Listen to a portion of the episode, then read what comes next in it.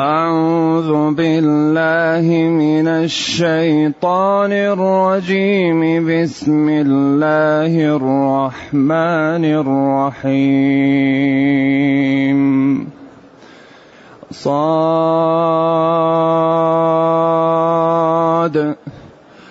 والقرآن ذي الذكر بل الذين كفروا في عزة وشقاق.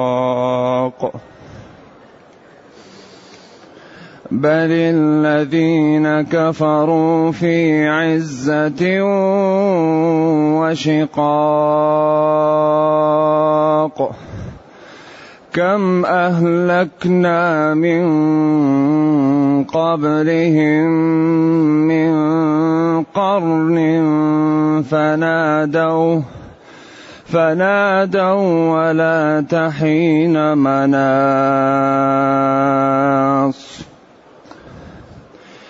وعجبوا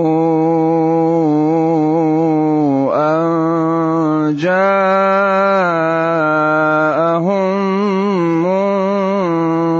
منذر منهم وعجبوا أن جاءهم منذر منهم وقال الكافرون هذا وقال الكافرون هذا ساحر كذاب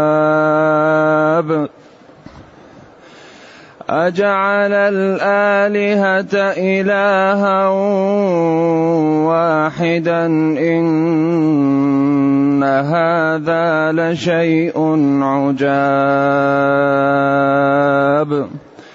وانطلق الملأ منهم وانطلق الملأ منهم أن امشوا واصبروا على آلهتكم. أن امشوا واصبروا على آلهتكم. إن هذا لشيء يراد. ما سمعنا بهذا في الملة الآخرة. ما سمعنا بهذا في الملة الآخرة إن هذا إلا اختلاق. أأنزل عليه الذكر من بيننا. بل هم في شك من ذكري. بل هم في شك من ذكري. بل لما يذوقوا عذاب أم عندهم خزائن رحمة ربك العزيز الوهاب؟ أم لهم ملك السماوات والأرض وما بينهما؟ وما بينهما فليرتقوا في الأسباب جند ما هنالك مهزوم من الأحزاب كذبت قبلهم قوم نوح وعاد وفرعون وعاد وفرعون ذو الأوتاد وثمود وقوم لوط وثمود وقوم لوط وأصحاب الأيكة أولئك الأحزاب. إن كل إلا كذب الرسل فحق عقاب. وما ينظر هؤلاء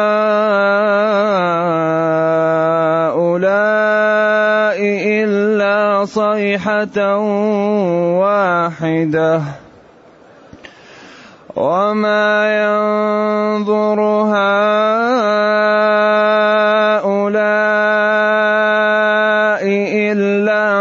صيحة واحدة ما لها من فواق وقالوا ربنا عجل لنا قطنا قبل يوم الحساب الحمد لله الذي انزل الينا اشمل كتاب وارسل الينا افضل الرسل وجعلنا خير أمة أخرجت للناس. فله الحمد وله الشكر على هذه النعم العظيمة والآلاء الجسيمة والصلاة والسلام على خير خلق الله وعلى آله وأصحابه ومن اهتدى بهداه. أما بعد فإن الله تعالى يبين في هذه الآيات أن الكفار على ضلال وبعد عن الحق. وهذه السورة تسمى سورة صاد وتسمى سورة داود. وهي سورة مكية باتفاق. وقد أشرنا في هذه الدروس المباركة أن بداية السور تنقسم إلى عشر أقسام. إذا نظرنا إلى بداية السور يمكن نقسمها إلى عشر أقسام. بعضها تبدأ بالحرف بعضها تبدأ بالقسم بعضها تبدأ بالحروف المقطعة بعضها تبدأ بالفعل الماضي بعضها تبدأ بالفعل المضارع بعضها تبدأ بفعل الأمر وبعضها تبدأ بتنزيه الله وتقديسه. فهي منقسمة إلى أقسام وذكر ذلك الإمام السيوطي رحمة الله عليه في كتابه القيم الاتقان و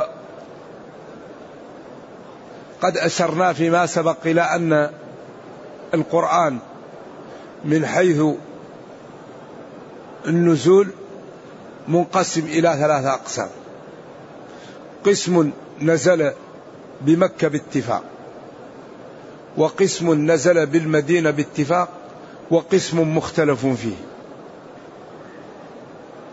والذي هو مختلف فيه أغلبه يكون جانب منه يشبه ما نزل في مكة وجانب منه يشبه ما نزل بالمدينة فلذلك يختلفون فيه. وفيه آيات مدنية في سور مكية.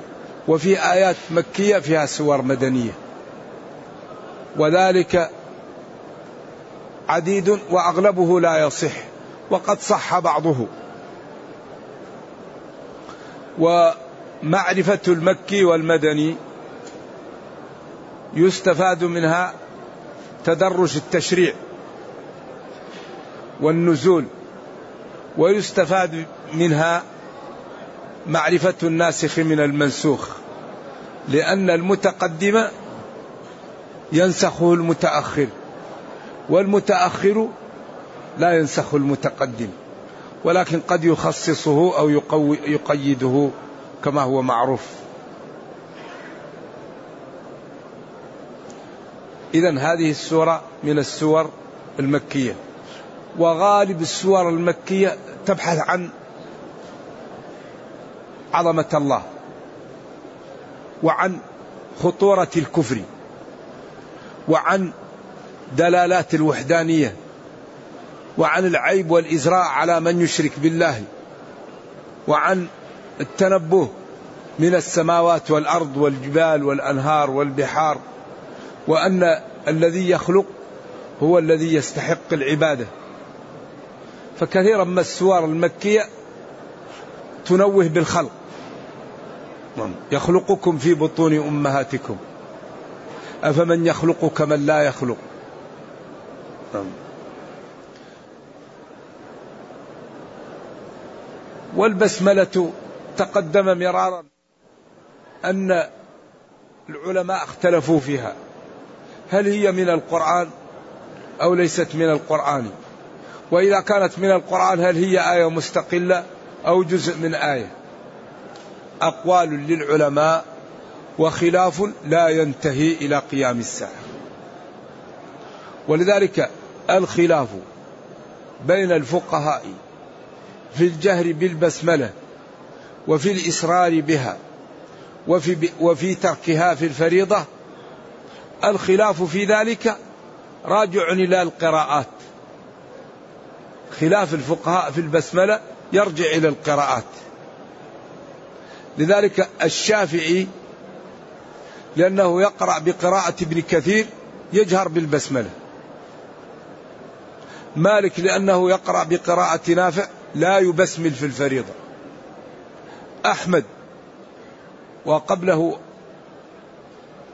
أبو حنيفة رضي الله عن الجميع يبسملان سرا. إذا الأئمة بالنسبة للبسملة منقسمون إلى ثلاثة أقسام. من لا يبسمل في الفريضة كمالك في المشهور عنه. ومن يبسمل جهرا في الجهرية وسرا في السرية كمن؟ كالشافعي. ومن يبسمل سرا مطلقا في الجهر والسر كأبي حنيفة وأحمد.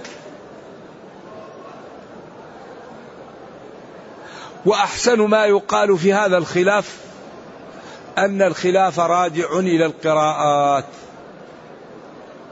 ولذلك قال صاحب النظم سيد عبد الله بن الحاج إبراهيم رحمه الله في نظمه القيم مراقي السعود الذي نظم فيه جمع الجوامع الذي جمعه صاحبه من مئة مؤلف قال وليس للقرآن تعزى البسملة. وليس للقرآن تعزى البسملة. وكونها منه وكونها أي البسملة منه من القرآن الخلاف نقله أي المخالف. وبعضهم أي وبعض العلماء إلى القراءات نظر وذاك للوفاق بين الأقوال وذاك للوفاق حكم معتبر. وذلك للوفاق بين الأقوال. إذا من بسمل لا نلمه ومن لم يبسمل لا نلمه ومن سر فيها لا نلمه. ولا نضيق واسعا لا نضيق واسعا على المسلمين. فالعلماء اختلفوا وكل حفظ وكل فهم وأنت تأخذ ما تراه وما يتضح عندك ولا تحمل الناس على ما يترجح عندك. لذلك الإمام مالك رضي الله عنه لما جاءه صديقه أبو جعفر المنصور وقال له أنا أريد أرغم العالم على الأخذ بالموطأ لأنه أول كتاب ألف في, في, في, في الإسلام بهذه الطريق وأصح السنة ما هو مسند في الموطأ. قال له مالك قال لأبي جعفر لا تضيق واسعا. صحابة رسول الله تفرقوا في الأمصار وكل واحد عنده علم ليس عند مالك.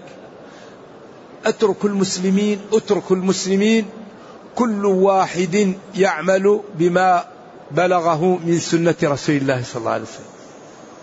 هذا الفهم هذا الفقه هذا الإنصاف. قال له لا تضيق واسعا. صحابة رسول الله تفرقوا في الأمصار وكل واحد عنده علم ليس عند مالك. أترك المسلمين كل جهة تعمل بما بلغها. لا تضيق على الناس. لذلك تجد كل بلد لفقهه دخل في العرف لأن في بلد حار في بلد بارد في بلد أهل رعاة في بلد أهل التجار. إذا يختلف الحكم. لذلك الذي يريد يسأل عن المسح على الجوربين يروح للبلاد الباردة هي التي تؤلف في هذا وهي التي تحتاج أن تمسح. أما البلد الحار أهل لا يمسحون أو لا يمسحون إلا على الخف المعمول بماذا؟ بالجلد. أما البلاد الباردة أهلها يمسحون على الخف ولو كان من غير الجلد. والشافعي لما ذهب إلى مصر أصبح في الجديد في الجديد في الجديد في الجديد. نصف المذهب تغير لأنه جاء لبلد وجاء لعرف. إذا يقول جل وعلا صاد والقرآن صاد والقرآن. ذكر ابن الجوزي في زاد المسير أن في صاد سبع أقوال. هل هي قسم؟ هل هي اسم للسورة هل هي حرف من حروف؟ الصاد من الصمد والصاد من الصادق. هل هي صاد قلوب سامعيه القرآن؟ أو صاد محمد قلوب الناس أو صادي جادل وصاد بهذا القرآن واقنع الناس به أو هي حرف من الحروف المقطعة التي جاءت في أول هذا الكتاب إظهارا للإعجاز وللتحدي. أقوال للعلماء. وكل قيل وكل له وجه ولا بيان من النبي صلى الله عليه وسلم. وأحسن ما يقال في هذه الحروف أنها جاءت اظهارا للإعجاز والتحدي. هذا أقرب الأقوال لأن الاستقراء دل على أن هذه الحروف كل ما ذكرت يأتي التنويه بعدها بالقرآن. وكأن الله جل وعلا يقول لقريش أنتم أهل فصاحة وبلاغة وأصحاب قوة في التعبير ووصلتم في ذلك إذا لم ي... إذا ما لم يصل له غيركم. وقد جئتكم بكتاب من جنس كلامكم ومن جنس أسلوبكم. ومن الحروف والكلمات والنظم التي تتكلمون بها. فإن كنتم مكذبين به فأتوا بمثله. فإن عجزتم فاعلموا أنه من عند الله وأن الله تعالى أوعد المكذب به النار. فاتقوا النار. لذلك تحدي سافر. صاد والقرآن نون والقلم ألف لام ميم ذلك الكتاب. ألف لام را تلك آيات الكتاب. ألف لام ميم را كتاب أنزل إليك. كل ما جاءت هذه الحروف يأتي التنويه بعدها بالقرآن.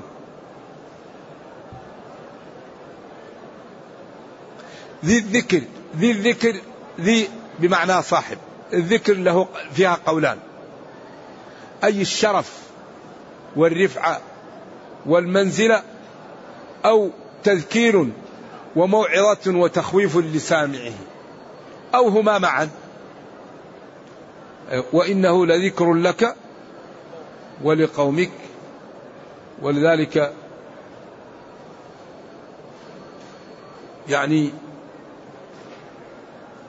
أنه يذكر الناس ويعظهم إذا سمعوه.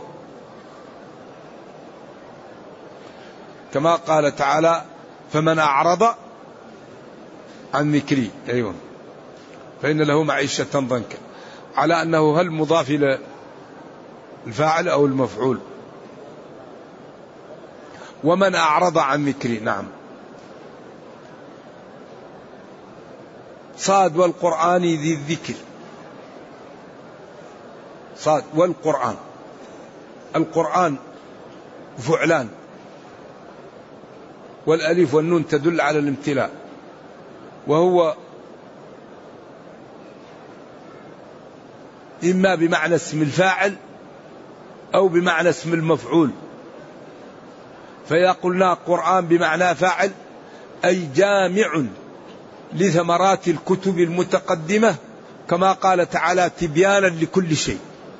ونزلنا عليك الكتاب تبيانا لكل شيء. ما فرطنا في الكتاب من شيء. لا تنزل بالمسلمين نازلة إلا وكان في القرآن السبيل إلى حلها. فهو جامع لثمرات الكتب ومهيمنا عليه. لا توجد قضية إلا وفي القرآن حلها. هذا ليس من باب العاطفة أو من باب المبالغة لا. لأن الله يقول ومن أصدق من الله قيلا ويقول ممتنا على نبيه في سورة الامتنان ونزلنا عليك الكتاب تبيانا لكل شيء. تبيانا لكل شيء. صلاح الدنيا صلاح الأخرى التربية الاقتصاد الإدارة السياسة الاجتماع. كل قضية مبينة في القرآن. لذلك حري بنا أن نهتم بالمراكز التي ترفع مستوانا في ديننا ودنيانا من كتاب ربنا. أقول حري بالعقلاء الشرفاء الفضلاء الذين عندهم إمكانية أن ينشئوا مراكز متفوقة للاستفادة من هذا القرآن. كيف نتقوى؟ كيف نتحد؟ كيف يقوى الإنتاج؟ كيف تقوى العقول؟ كيف تقوى الروا... الأواصر والروابط؟ كيف يقل الفقراء؟ كيف يقل المرضى؟ كيف يقل المنحرفون؟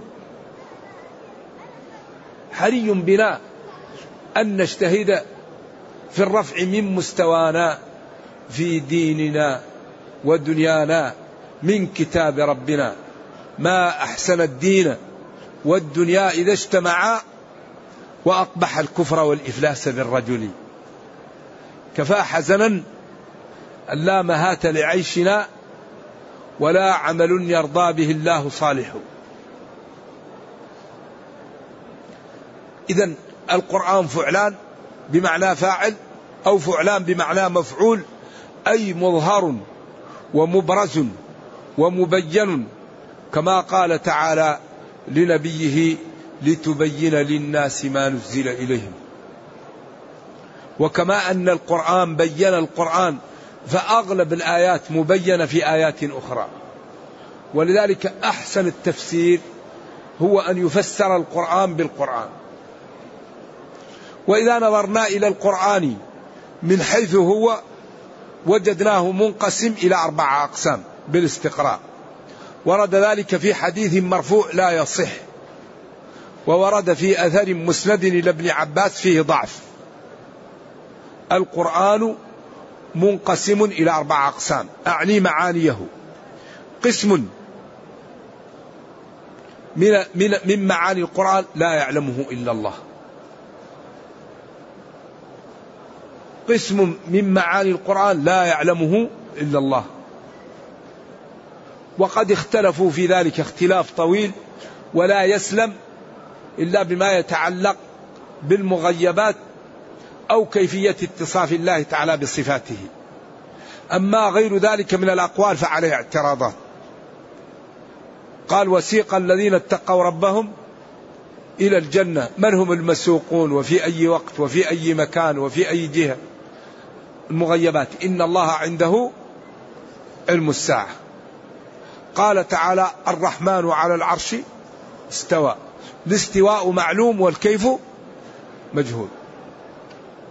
وما يتعلق بكيفية اتصاف الله تعالى بصفاته أو المغيبات. هذا هو المتشابه. أما غير ذلك من الأقوال فعليه اعتراضات قسم تعلمه العرب من لغتها. كالحرض تالله تبتأ تذكر يوسف حتى تكون الحرض مقاربة الهلاك. سواء منكم من أسر القول ومن جهر به ومن هو مستخف بالليل سارب منفلت على وجهه ظاهر في النهار. نزاعة للشوى الشوى أطراف. ألواح ودسر الدسر مسامير.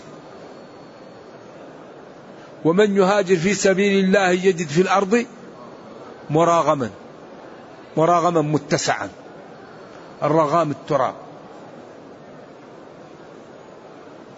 إذا قسم تعلمه العرب من لغتها. قسم يعلمه العلماء. كلا يضركم من ضل إذا اهتديتم.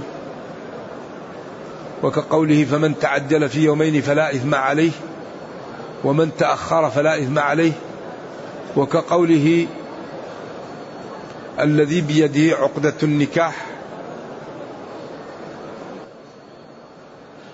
إذا قسم تعلمه العلماء وقسم لا يعذر أحد بجهله به. لا بد أن يعلمه الناس. وهو ما يتعلق بالقرآن من فروض العين.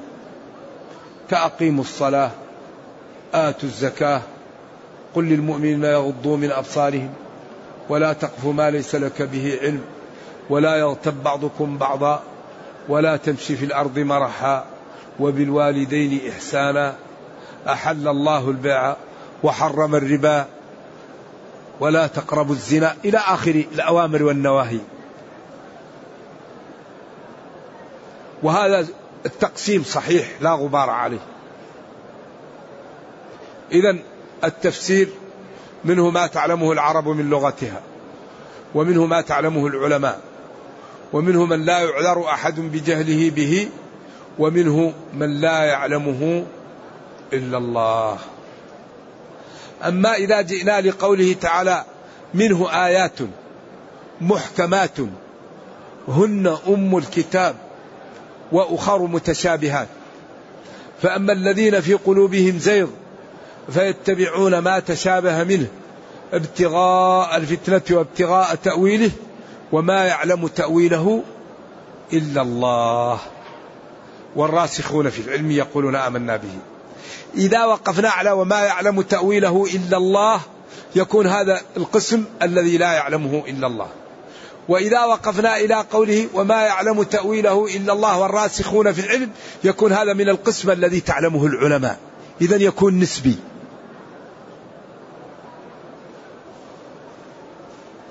والذي يدل على أن الواو استئنافية تقسيم ما بعده. أما الذين في قلوبهم زيغ فيتبعون ما تشابه منه.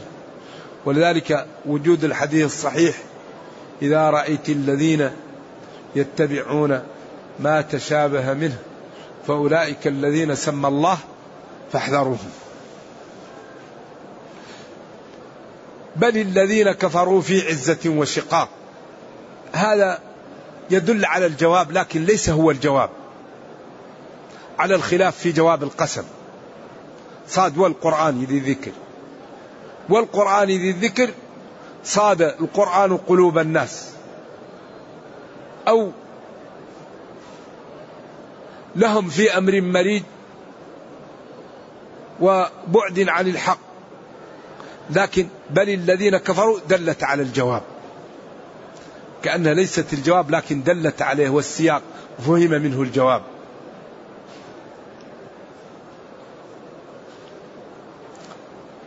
بل الذين كفروا بل إضراب. الذين كفروا هم قريش. في عزة تكبر وشقاق خلاف وبعد عن الحق.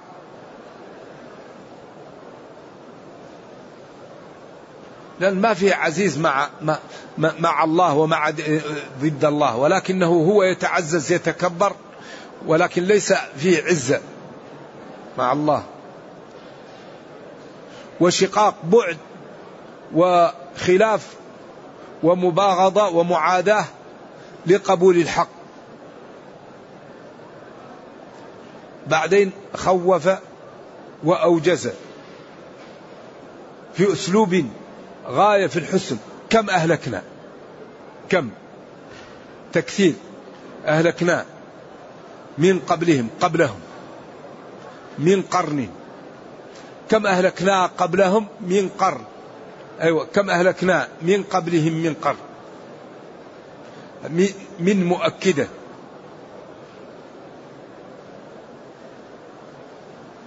كم أوقعنا وأهلكنا قبل قريش من الشرائح التي كفرت ولم تؤمن. فنادوا صاحوا وحاولوا أن يأخذوا لأنفسهم بعد أن فات الأوان. ولا تلحين حين مناص. ولا تحين مناص. لا بمعنى ليس. والتاء زائدة فيها كثمة.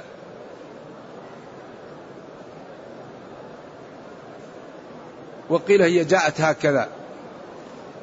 ولا الوقت وقت مناص.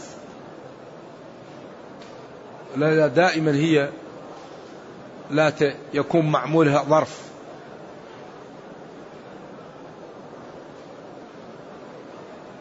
وعجبوا أن جاءهم منذر منهم. استغربوا واستبعدوا. ونفروا وكذبوا أن جاءهم رسول منهم منذر منهم. مخوف لهم من الكفر بالله من جنسهم. وقالوا ما الذي يتميز عنا به حتى يكون رسول ونحن لا نكون رسل؟ وقد كرر القرآن بيان أن الرسل تكون من من البشر وأننا لو أتيناهم برسول من الملائكة لجعلناه بشر ولاختلط عليهم الأمر. بل استغربوا وتعجبوا أن جاءهم منذر رسول منهم أي من جنسهم. ولذلك قال وما أرسلنا من قبلك إلا رجالا نوحي إليه وما أرسلنا من قبلك من رسول إلا نوحي إليه. قال ولو جعلناه ملكا لجعلناه رجلا. قالوا ما لهذا الرسول يأكل الطعام ويمشي في الأسواق؟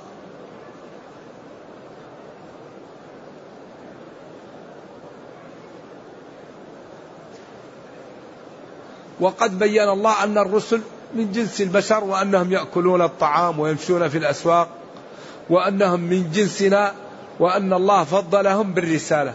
قالت رسلهم إن نحن إلا بشر مثلكم.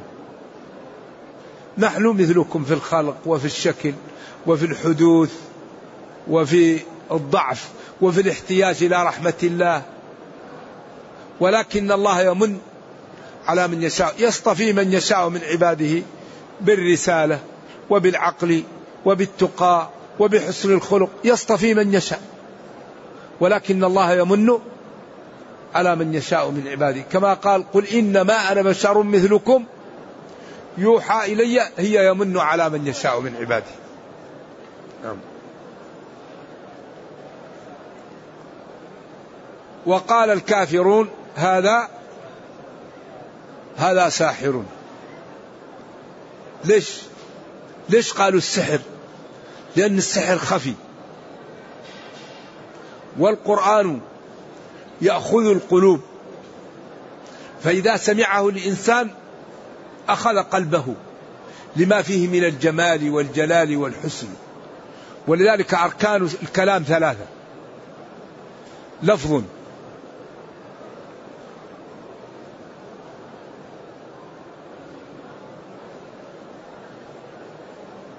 ومعنى. ورباط ناظم بين اللفظ والمعنى. فاختار الله لكلامه أحسن الحروف في أحسن الكلمات في أحسن المعاني في أحسن النظم. فجمع بين السلاسة والجزالة وبين الفخامة والعذوبة وهذا لا يعهد في كلام البشر. فأصبح كأنه فيه تضاد. فالجزالة والفخامة تعالج نوع من الوعورة والسلاسة. تعالج نوع من السهولة.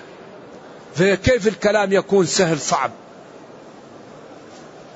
فلذلك قال لهم جل وعلا أولم يكفهم أنا أنزلنا عليك الكتاب يتلى عليهم. أبعد الكتاب يحتاجون إلى شيء؟ فلذلك هذا الكتاب معجزة خالدة إلى قيام الساعة. كل ما نحتاج شيء نفتح المصحف ونحصله. أما ينبغي أين المراكز العملاقة للاستفادة من القرآن؟ كل واحد عنده إمكانية يعمل مركز. اسمه مركز الاستفادة من القرآن في التجارة الاستفادة من القرآن في التربية الاستفادة من القرآن في الأخلاق الاستفادة من القرآن في الطب الاستفادة من القرآن في إصلاح ذات البين. الاستفادة من القرآن في الوحدة. كل جانب نحتاجه نأخذ من القرآن. لكن نحن نائمون. الأمة نائمة. تجد. ولذلك لا بد أن نهتم بمصالحنا. لا بد أن نهتم بعزتنا. لا بد أن نهتم بوحدتنا. وأن نترك الأمور التي تقوضنا وتضرنا. تعلمون سبب ضعف المسلمين الآن مليار وستمائة مليون؟ مليار وستمائة مليون في المحافل يحجر عليهم. لماذا؟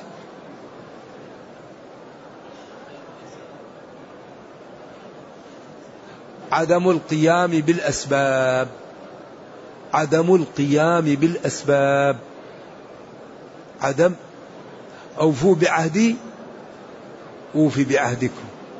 إن الله اشترى اشترى.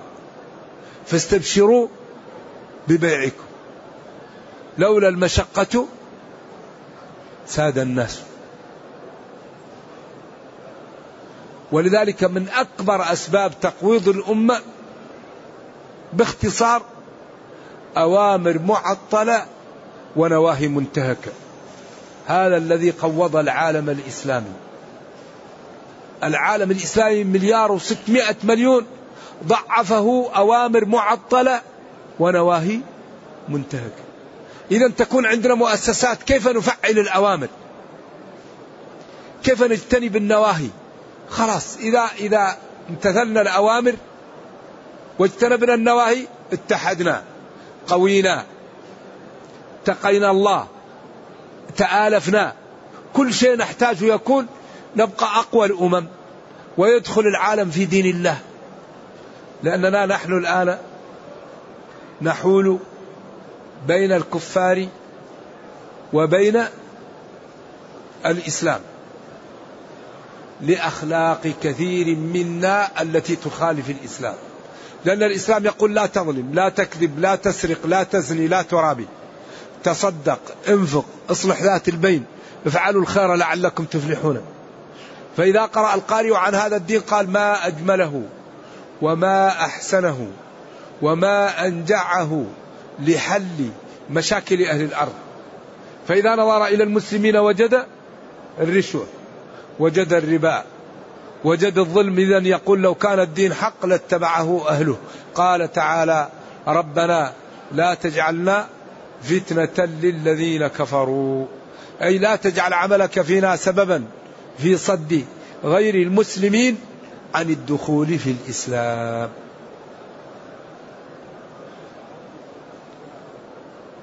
قالوا ساحر كذاب.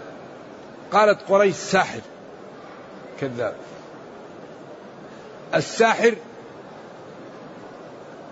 يغمى عليه ويكون مجنون ويقول كلام غير صحيح. ونبينا صلى الله عليه وسلم تام العقل وتام الانضباط وهو معروف عندهم بالأمين. هم يقولوا كذاب. وقبل نزول الوحي كانوا يسمونه الأمين. وكانوا إذا اهتموا ببعض أمورهم يجعلونها وديعا عنده. لأنهم يعلمون أنه لا يضل لا يغش. صلوات الله وسلامه عليه. ولكن الإنسان إذا تعود على الخطأ رأى الصح ضلالا. مشكلتهم أنهم من صغرهم تعودوا على الضلال وعلى الكفر فرأوا الحق ضلالا.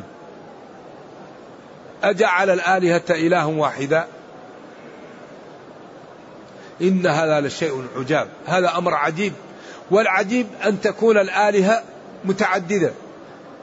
كما قال تعالى ما اتخذ الله من ولد وما كان معه من إله إذا لذهب كل إله بما خلق ولا على بعضهم على بعض.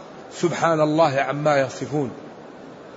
لو كان فيهما آلهة إلا الله لفسدتا. فالذي هو عجيب تعدد الآلهة. أما كون الإله واحد هذا الذي يستقر في النفوس وهو الذي يجعل الكون يعيش من غير تصادم الكواكب ولا فساد العالم. وانطلق الملأ منهم من كفار قريش. وقيل لهم أو قالوا أن امشوا كأن أن مفسرة عنه واذهبوا عنه. واصبروا على آلهتكم على عبادتها.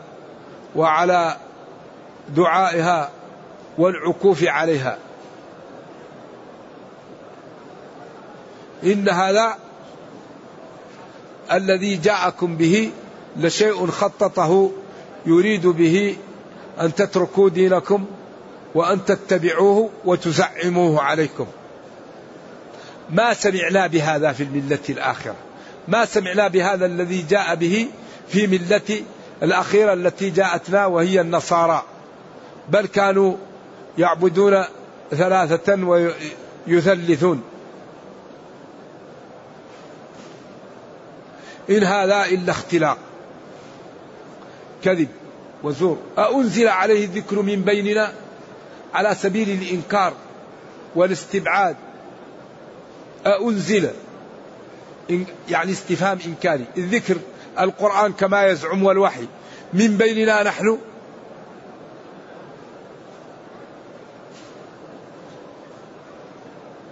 بل هم كفار قريش. في شك من القرآن الذي أنزلته وفيه ذكري على نبيي. ولكن بل لما يذوق بل حين يذوقون يذوقوا عذابي عند ذلك يعرفون أنه رسول وأن القرآن كلامي وأني أرسلت به وسيندمون في وقت لا ينفع الندم بل لما يذوقوا عذابي بل لم يذوقوا عذابي بعد ولكنهم إذا ذاقوه عند ذلك يتمنون أن لا يكونوا قد ماتوا على الكفر. ولذلك يقولون يا ويلتنا نرد ولا نكذب بآيات ربنا ونكون من المؤمنين. بل بدا لهم ما كانوا يخفون من قبل. ولكن الله هؤلاء طبعهم على الشقاوة. ولو ردوا لعادوا. رب يقول رب ارجعون. لعلي أعمل صالحا فيما تركت. فيما تركت. في الدنيا أول. كلا. لا يمكن. إنها كلمة هو قائلها ومن ورائهم برزخ. الذي يموت لا يعود للدنيا إلا بعد البعث. فلذلك هذا خطر جسيم. أن الإنسان لا يحاسب. أخطر شيء أن الإنسان لا يبالي في هذه الدنيا. خطر جسيم على صاحبه. أم عندهم خزائن ورحمة ربك؟ ما يخزنه ممن يريد أن يعطيه أو يمنعه أو يعمل بما العزيز الغالب الوهاب الكريم يعطي لهذا الرسالة ويعطي لهذا الغنى ويعطي لهذا العز ويعطي لهذا الجمال ويعطي لهذا حسن الخلق. يعطي. أم لهم ملك السماوات والأرض؟ حتى يعترضوا أو يمنعوا ما أراده الله وما بينهما فليرتقوا في الأسباب. وهنا إشارة إلى السماوات وإلى الكفار وإلى البعد وما بينهما فليرتقوا في الأسباب. بعدين قال جند ما وابهم ما وقال هنالك إشارة للبعد من الأحزاب.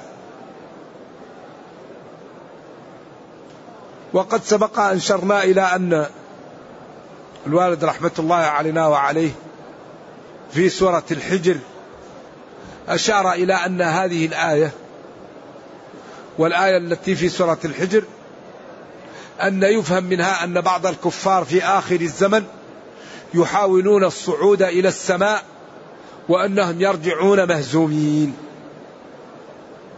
قال وإن ظهر غير هذا ففهمنا في القرآن خطأ. لأنه قال وما بينهما فليرتقوا في الأسباب. وبعدين أسباب السماوات. وقال جند ما وأبهم. وقال هنالك أي في السماوات. وقال مهزوم. ثم قال من الأحزاب. فقال هذه الآية تشير إلى أن بعض الكفار يحاولون في آخر الزمن الصعود إلى السماء وأنهم سيرجعون بهزيمة وعجز كامل. وأنه إذا حصل غير ذلك فالقرآن لا يأتيه الباطل وفهمنا هو الخطأ. نعم وهذا احتياط. ولذا الآن هم قالوا إنهم كانوا لم يطلعوا إلى السماء وأن هذا كان وبعضهم قال طلعوا. والذين قالوا طلعوا قالوا إن القمر لا يوجد عليه إيش؟ المادة التي تستنشق تسمى الأكسجين. طيب بلد ما فيه الأكسجين هل يعيش فيه الناس؟ فهم الذي يظهر أنهم مهزومون ولو وصلوه لعدم وجود مادة للحياة. بعدين طمأن نبيه وثبت قلبه وأخبره أنه إن كذبت به قومه فالرسل قبله كذبتهم قومهم وأنه نصرهم وسينصره فلتقر عينه وليسر في دعوته وربه معه. كذبت قبلهم قبل كفار قريش قوم نوح وعاد وفرعون ذو الأوتاد وثمود وقوم لوط وأصحاب ليكة أولئك الأحزاب. كل هؤلاء جاءت قصصهم في الأنعام والأعراف وفي الشعراء وفي النمل وفي القصص تعددت كثير. والإتيان بهذه القصص أول شيء تدل على صدق النبي صلى الله عليه وسلم. لأنه لا يقرأ ولا يكتب ويأتي بتفاصيل. ثانيا بيان جمال القرآن وحسنه وبلاغته وأنه لا يضرب بعضه بعضا. ثالثا تثبيت قلب النبي صلى الله عليه وسلم. رابعا تخويف لهؤلاء وأنهم إن لم يدخلوا في هذا الدين فسيحل بهم ما حل بالأمم السابقة التي أرسلت قبلهم. التي أرسل لهم. الرسل قبلهم وكذبوها. نعم. إن كل من هؤلاء ما كل من هؤلاء إلا كذب الرسل. فحق عقاب. فثبت يعني الوعيد عليهم والعقاب. وما ينظر هؤلاء الكفار إلا صيحة واحدة ما لها من فواق ما ينظر الكفار إلا صيحة. النفخة الأولى. ما لها من فواق فيها ثلاثة أقوال. انقطاع. تراخي. رجوع. وكل خلاف تنوع. والذي يظهر أنه الرجوع أقوى. لأن فواق وفواق. ما لها من فواق ما لها من فواق. فالفواق هو انقطاع ومنه فواق ناقة لأن الناقة إذا حلبت يرجع الحليب بعد ساعة أو ساعتين. يقال له تركته فواق ناقة كأنه ينقطع ويرجع. إذا ما لها انقطاع وهذا أقوى. سواء قلنا فواق أو فواق يكون انقطاع أو تراخي. نعم. أو استمرار أو رجوع. نعم. وقالوا ربنا يا ربنا عجل, عجل لنا قطنا. أعوذ بالله هذا نوع من الجهل قبل يوم الحساب. كما قالوا اللهم إن كان هذا هو الحق من عندك فأمطر علينا حجارة هذا نوع من الجهل عجيب. نوع من الجهل نوع من من من الاستهتار. عجل لنا قبل قبل قبل يوم القيامة قطنا حظنا ونصيبنا. بعدين قال اصبر على ما يقولون. انتهى. والحقيقة أن هذا الكتاب لا بد أن تكون لنا صحبة معه. لا بد أن نصحب هذا الكتاب. ومن أراد العزة يعزه ومن أراد الرحمة يرحمه ومن أراد المتعة يمتعه ومن أراد العقل يعقله ومن أراد الرفعة يرفعه. فبأي حق لا تكون لنا صحبة مع كتاب ربنا؟ فلا بد أن نصحب هذا الكتاب وبالأخص في شهره. هذا شهره هذا الشهر شهر الكتاب شهر القرآن. فيجب علينا أن نعطيه من وقتنا وأن نصحبه وأن نتمثله في حياتنا وما أردناه يعطيه لنا ربنا. أقول مشاك مشاكلنا نحلها بكتابنا. حاجاتنا نأخذها بكتاب ربنا. كل ما نحتاج نراه بالكتاب. اذا لا بد أن نفتح صفحة جديدة مع القرآن. والله لا يخلف الميعاد. وقال أوفوا بعهدي أوفي بعهدكم لئن أقمتم الصلاة وآتيتم الزكاة وآمنتم برسلي وعزرتموهم وأقرضتم الله قرضا حسنا لأكفرن عنكم سيئاتكم ولأدخلنكم جنات تجري من تحتها النهار نرجو الله جل وعلا أن يرينا الحق حقا ويرزقنا اتباعه وأن يرينا الباطل باطلا ويرزقنا اجتنابه وأن لا يجعل الأمر ملتبسا علينا فنضل. اللهم ربنا آتنا في الدنيا حسنة وفي الآخرة حسنة وقنا عذاب النار. اللهم اختم بالسعادة آجالنا واقرم بالعافية غدونا وآصالنا واجعل إلى جنتك مصيرنا ومآلنا يا أرحم الراحمين. اللهم إنا نسألك الجنة ونعوذ بك من النار. اللهم إنا نسألك الجنة ونعوذ بك من النار. اللهم إنا نسألك الجنة ونعوذ بك من النار.